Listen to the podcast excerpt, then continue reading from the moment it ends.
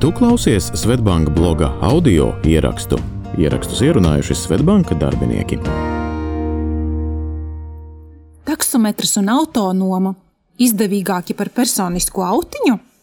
Modernais finanšu, IT un transporta pakalpojumu bizness piedāvā aizvien jaunus un izdevīgākus pārvietošanās risinājumus, konkurēt ne tikai ar sabiedrisko transportu, bet arī ar autotirgotājiem.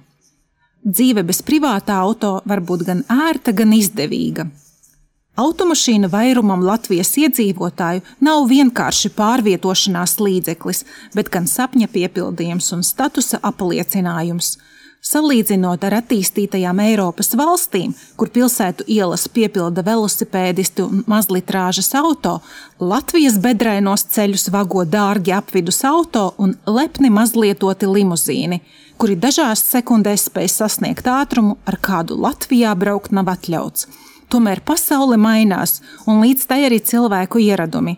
Aizvien vairāk cilvēki auto iegādājas, izmantojot operatīvo līzingu, kas pēc būtības ir nomas pakalpojums.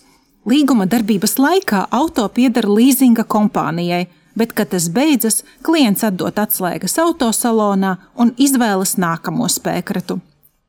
Saprotams, ka cilvēkam, kuram teju gēnu līmenī ir iestrādāts sapnis par savu auto, nav viegli pieņemt to, ka mans vāģītis nemaz nav manējais. Kad šis solis spērts, iespējams ir vērts apsvērt nākamo, iztikt bez sava auto. Līzinga maksājums, ikgadējā tehniskā apskate un ceļa nodoklis ir tikai daļa izdevumu, ko mēs maksājam par brīvības sajūtu, ko sniedz automašīna. Varbūt šo naudu varētu iztērēt kam citam, vai veidot uzkrājumus, jo pārvietoties ar velosipēdu vai taksometru ir izdevīgāk. Protams, katram no mums ir savi ieradumi un maršruti, ko ikdienā mērojam. Tomēr universālas receptes nav, bet mēs varam aplūkot dažus tipiskus gadījumus, lai saprastu, vai patiešām mums ir vajadzīgs savs auto. Lai pārbaudītu teoriju, ka dzīve bez savas automašīnas var būt izdevīgāka, aplūkosim trīs dažādus auto īpašnieku tipus Uzreiz jāteic, ka viņi visu ikdienu pavada Rīgā, jo lauku vai mazpilsētas ļaudīm attiecības ar auto parasti ir lietišķākas. Lai aprēķini būtu vienkāršāki, visi trīs mūsu varoņi ir precējušies un audzina divus skolēnus. Varoņiem mēs piešķirsim vārdus un aplūkosim, cik viņiem izmaksātu pārvietošanās bez auto. Tas, cik daudz viņi ietaupītu vai pārmaksātu, protams, atkarīgs no auto cenas, degvielas patēriņa un citiem izdevumiem.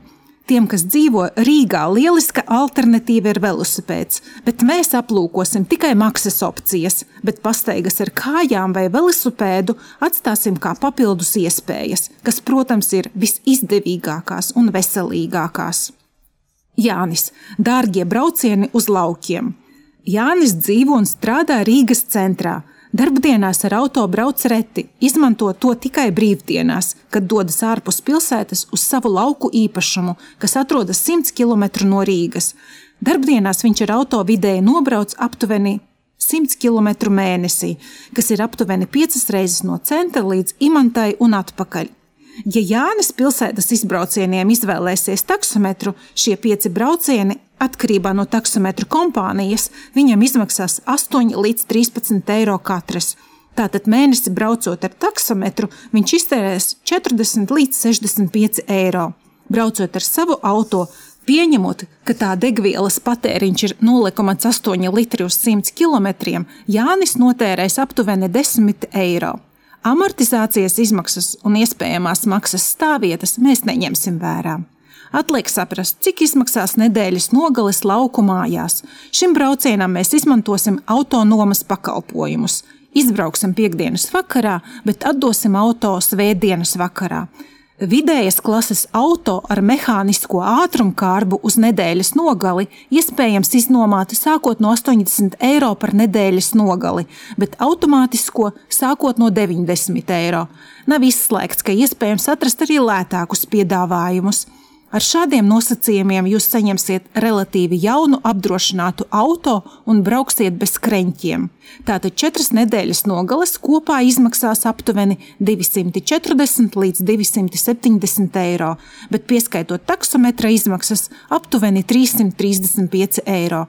Iegādājoties operatīvajā līzingā jaunu vidējas klases auto, mēneša maksājums būs 200 līdz 300 eiro. Tam jāpieskaita apdrošināšanas izmaksas, ceļa nodoklis, obligātās tehniskās apskates, stāvvietas un citi izdevumi. Pērkot lietotu auto, mēneša maksa būs mazāka, bet ir iespējami neplānoti remonta izdevumi. Skatoties uz sausiem skaitļiem, Jānim savs auto ir izdevīgāks, Tomēr, ja taksometra vietā parādīsies velosipēds vai sabiedriskais transports, bet lauku apciemošana nenotiek katrā nogalē, svaru kausi noslēdzas par labu dzīvē bez auto. Vita - auto sēņošanai. Vita dzīvo pārdaugavā, bet darbs viņai ir centrā. Uz darbu Vita dodas ar auto, dienā nobraucot aptuveni 25 km abos virzienos.